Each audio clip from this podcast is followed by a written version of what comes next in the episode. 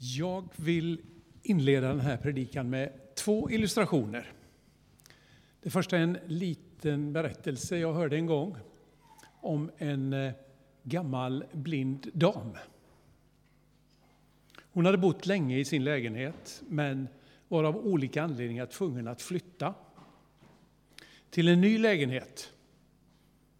Och är man gammal och blind så är det kanske inte så lätt, men hon fick en ledsagare som gick med henne till den nya lägenheten. De gick runt och tittade en stund och sen till ledsagarens stora förvåning så hör hon kvinnan säga Här kommer jag att trivas. Nej, men hur kan du säga så? Trivas, det är någonting man bestämmer sig för, fick hon till svar. Det var den ena instruktionen. Den andra, det är en bild. Ska vi se om vi kan få till det, Rolle? För jag brukar nämligen säga att jag kan beskriva den kristna tron med två cirklar och tre streck.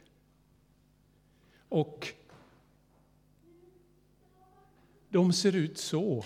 Och det är alltså, om vi kör fram där, Rolle, får vi se. Skapelse först. Sen handlar det om Israels folk. Sen kommer Jesu död och uppståndelse i mitten. Sen kommer församlingen och sen kommer nya himlar och en ny jord. Det blir till och med ett kors om man vill. Men det är alltså huvuddelar i den eh, kristna historien, kan man säga, frälsningshistorien. Eh, jag återkommer till den. Och idag är det tacksägelsedagen och temat för den här dagen det är lovsång. Och man kan fundera på vad de här illustrationerna har med tacksamhet att göra. För jag har valt att fokusera på det här ordet tacksamhet. Men för tacksamhet är ju som regel en grund för lovsång överhuvudtaget. Och om jag ska sammanfatta kort det jag vill säga idag så handlar predikan om två saker. Dels att tacksamhet det är någonting som man väljer. Yes. Och sen det andra, att den kristna historien den lär oss att de synliga uttrycken för tacksamhet ofta finns i och föds ur svåra situationer. Ur en förtröstan att Gud är nyckeln och Gud är den som leder det hela. Det är egentligen de två sakerna jag vill säga idag, som jag ska illustrera. Och jag tänkte börja med ett bibelcitat. Mitt hjärta jublar över Herren, jag kan bära huvudet högt. Jag kan skratta åt mina fiender i glädje över att du räddat mig. Ingen är helig som Herren. Det finns ingen utom du, ingen klippa är fast som får vår Gud. Sju söner får den ofruktsamma, men den barnrika vissnar bort. Herren dödar och ger liv, leder ner i dödsriket och räddar därifrån. Herren gör fattig och han gör rik, han förnedrar och han upphöjer. Den hjälplöse reser han ur gruset, den fattige lyfter han ur dyn. Han ger dem rum bland förstare, och låter dem trona på hedersplats. Ty jordens fästen tillhör Herren, på dem har han lagt jordens rund. Är det någon som vet vad detta är för någonting? Vem säger så här? Det gamla testamentet är ju gamla, ganska uppenbart. Men vem kan det vara som uttrycker sig så här? Finns det någon ledtråd i den texten?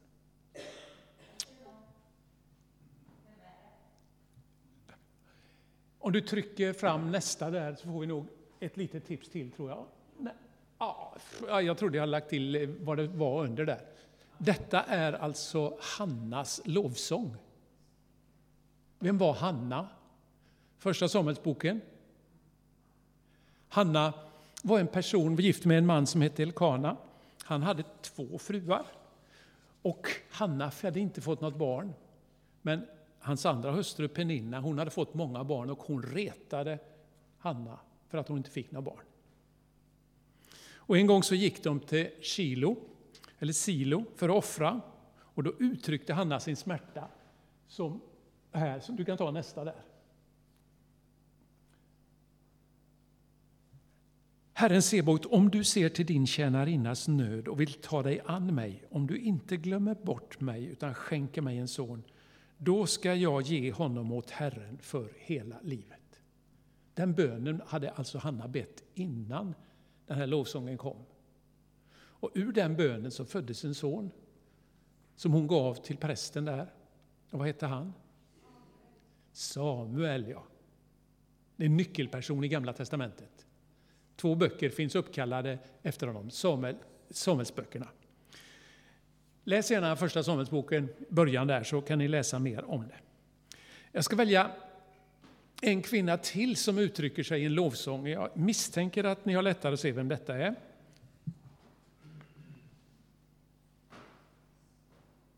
Sjung till Herrens ära, stor är hans höghet och makt. Häst och vagnkämpe vräkte han i havet. Mimmi kan det, ser jag. Nej, Miriam. Och vem var Miriam? Moses syster. Havet här är alltså vandringen genom Röda havet. Eller Sävhavet kanske det står nu för tiden. Och då uttryckte hon så, det finns en jättelång lovsång innan som Mose gör, men jag valde Miriam för att den var kort och bra och det var en kvinna. Och ni vet vad som har hänt, Israels folk har varit fångna i Egypten. Efter mycket om och men så får de ge sig iväg till sitt land. Men farao ångrar sig och sätter efter med en stor armé, eller ja, en här som kommer. Och de flyr och så märker de att farao kommer närmare. Och vad händer de kommer till det här havet? Och farao närmar sig, han vill ju ta dem tillbaka och låta, föra dem tillbaka till slaveri igen. Då säger Gud till Mose, räck ut din stav och din hand över havet, så ska det dela sig. Och det märkliga händer att folket kan gå över, men faraos här kan inte gå över. Och detta är alltså ett uttryck för detta. En, de var i en nödsituation, blir räddade och ur den så föds en lovsång. Nu kliver vi fram i historien till år 50 efter Kristus ungefär. Vi landar i Filippi, Grekland. Där är några personer och förkunnar den kristna tron. Och de har stött på en spårdomskvinna som är lite jobbig för hon, eh, hon pratar om dem på ett sätt som de inte gillar. Så att de driver ut den här spårdomsanden och det leder till förlust för ägaren så de slänger dem inför domarna. Och så står det så här. Domarna slet kläderna av dem och befallde att de skulle pryglas.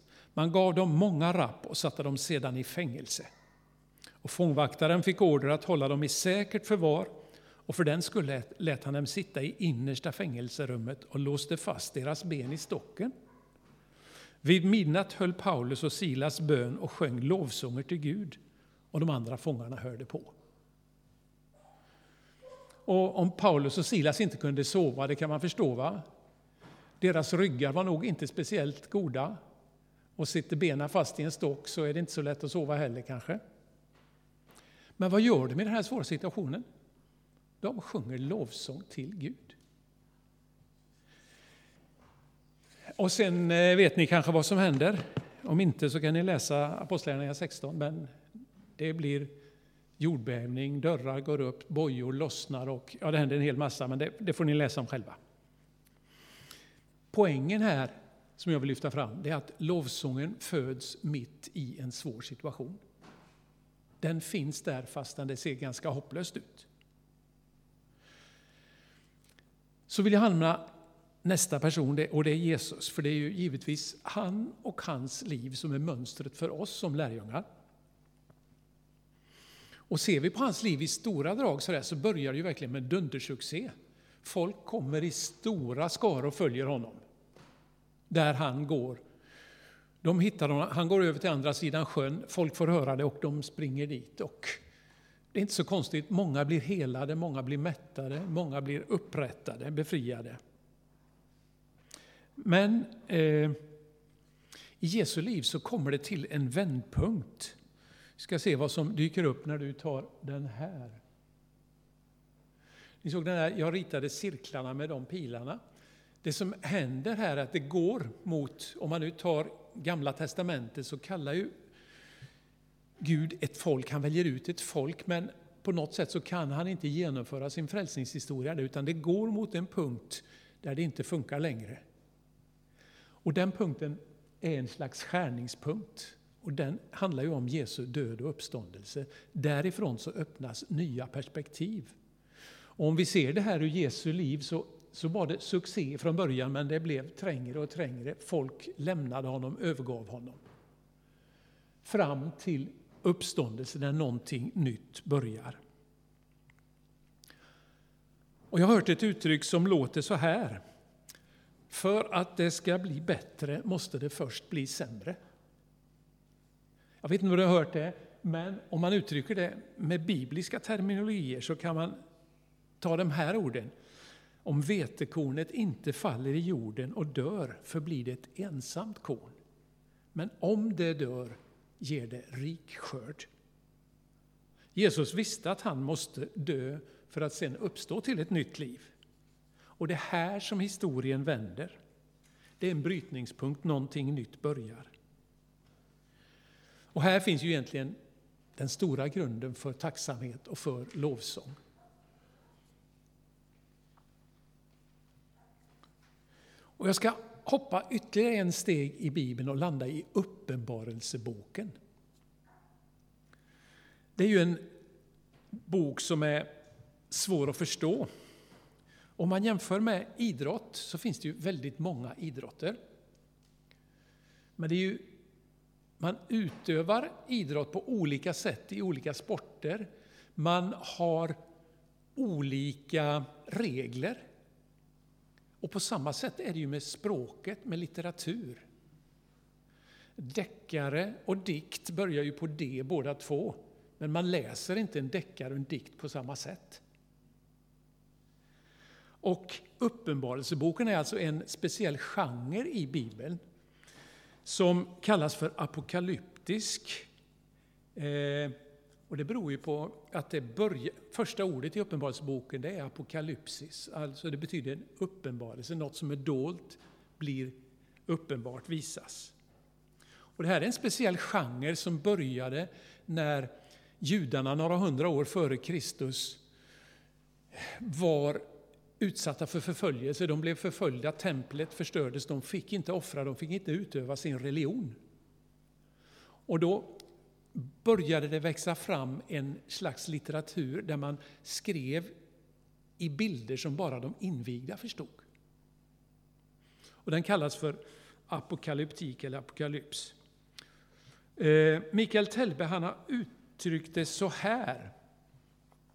Att apokalyptiken kom att bli en slags underjordisk protestlitteratur för de förföljda.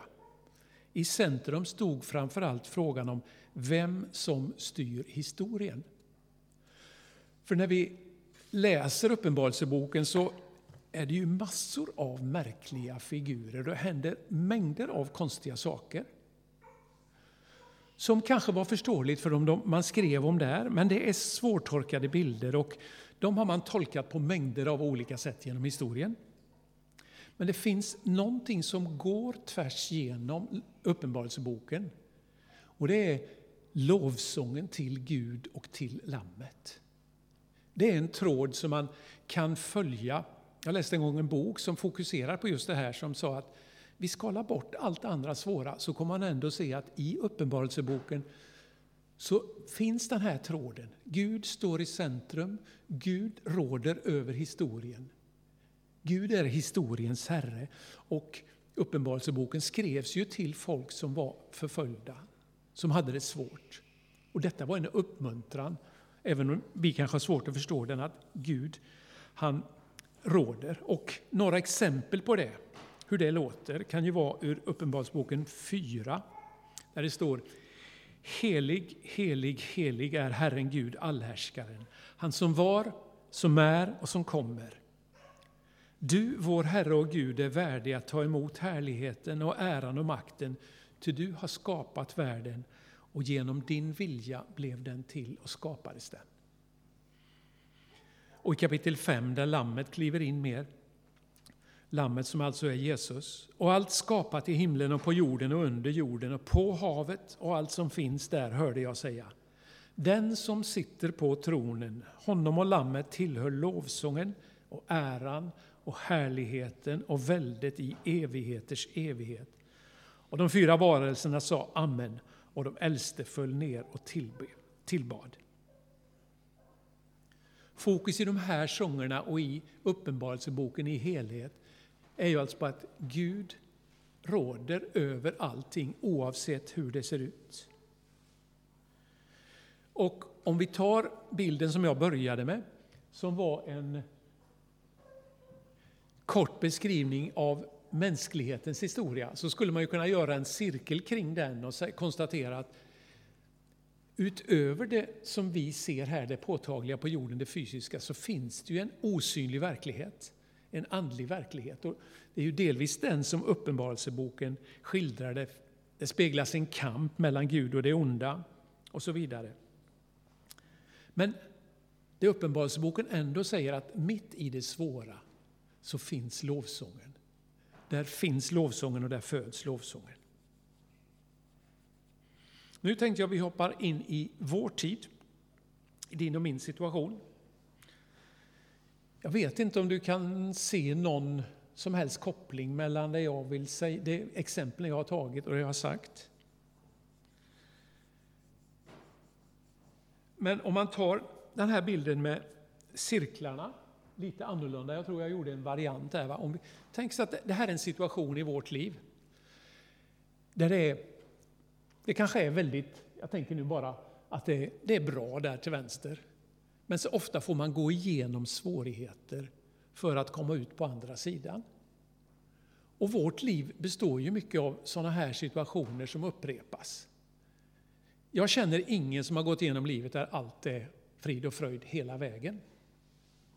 Utan man kommer till olika perioder, du kan rassla på det. Jag bara gjorde ett antal sådana här, att vårt liv på något sätt består av saker vi måste gå igenom på olika sätt. Och vi kommer ut på andra sidan.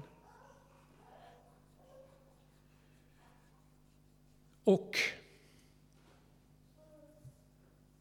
Japp. Eh, poängen då med den blinda kvinnan som jag hade från början, det är ju just det här att vi kan välja vår inställning. Vi kan välja hur vi förhåller oss till situationen. Det går faktiskt att förtrösta på Gud mitt i allt. Det visar hela vår bibliska historia och många människor i den historien. Det måste ju inte leda till att saker och ting förändras snabbt. Om ni skulle läsa Hebreerbrevet 11, det man kallar för trons kapitel, så kommer ni att märka att det går inte så bra för alla alltid. Men de är trons hjältar ändå. Men de, det, det Hebreerbrevet 11 och den bibliska historien visar på att mitt i svårigheter, mitt i prövningar, så kan man lita på Gud. Han kommer att segra till slut och det är vad Uppenbarelseboken vill säga oss. Och Paulus och Silas, de pryglades. Men de valde ändå att lovsjunga Gud mitt i den situationen. Så det jag försöker beskriva idag, det finns uttryckt väldigt ofta i en speciell bok i Bibeln. Kanske inte så lätt att följa mina tankar här. Men jag landar i Saltaren. Hur många salmer finns det i Saltaren? Vet ni det?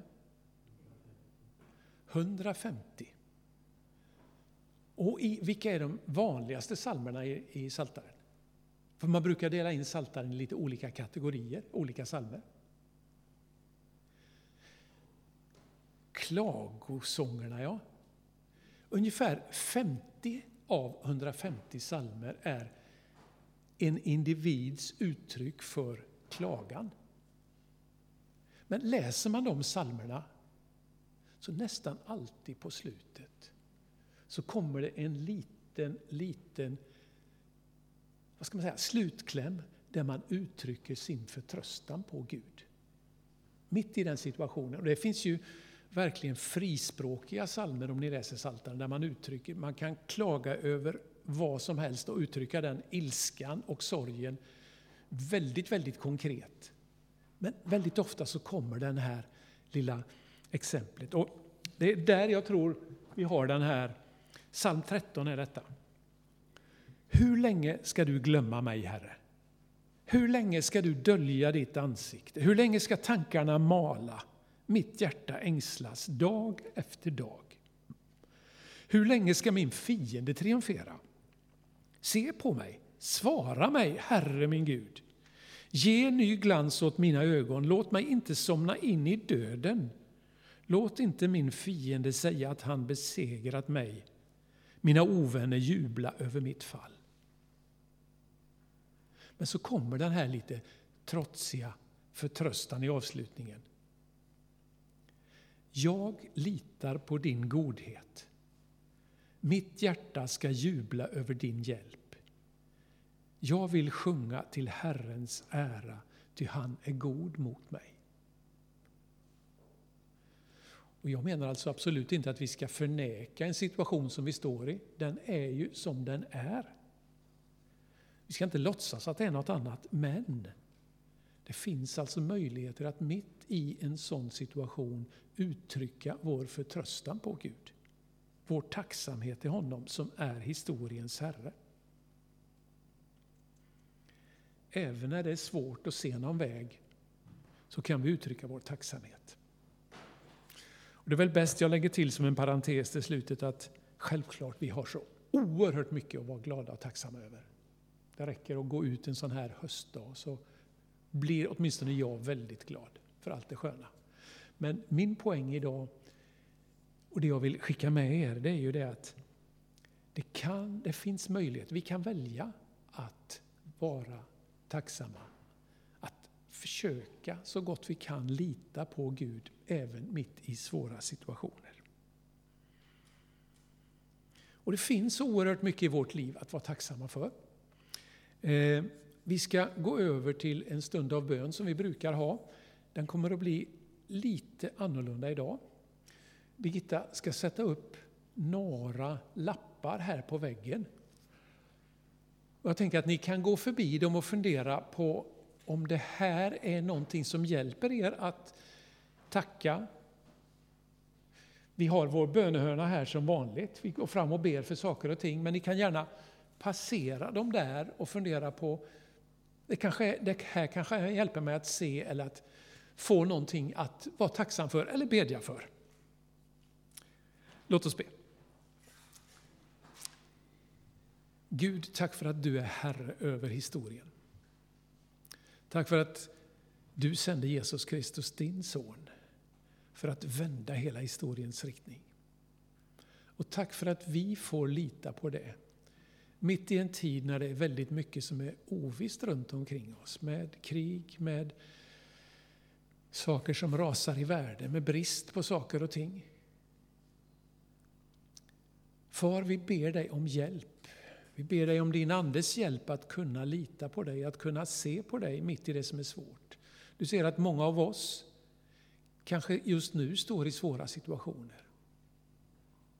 Jesus, jag ber dig att vi dels ska kunna hjälpa varandra, stötta varandra. Men också att vi kan vända oss till dig, ropa till dig i vår nöd och tacka dig för allt du har gett. Tack för din kärlek, för din omsorg, för din nåd, för din barmhärtighet. Amen.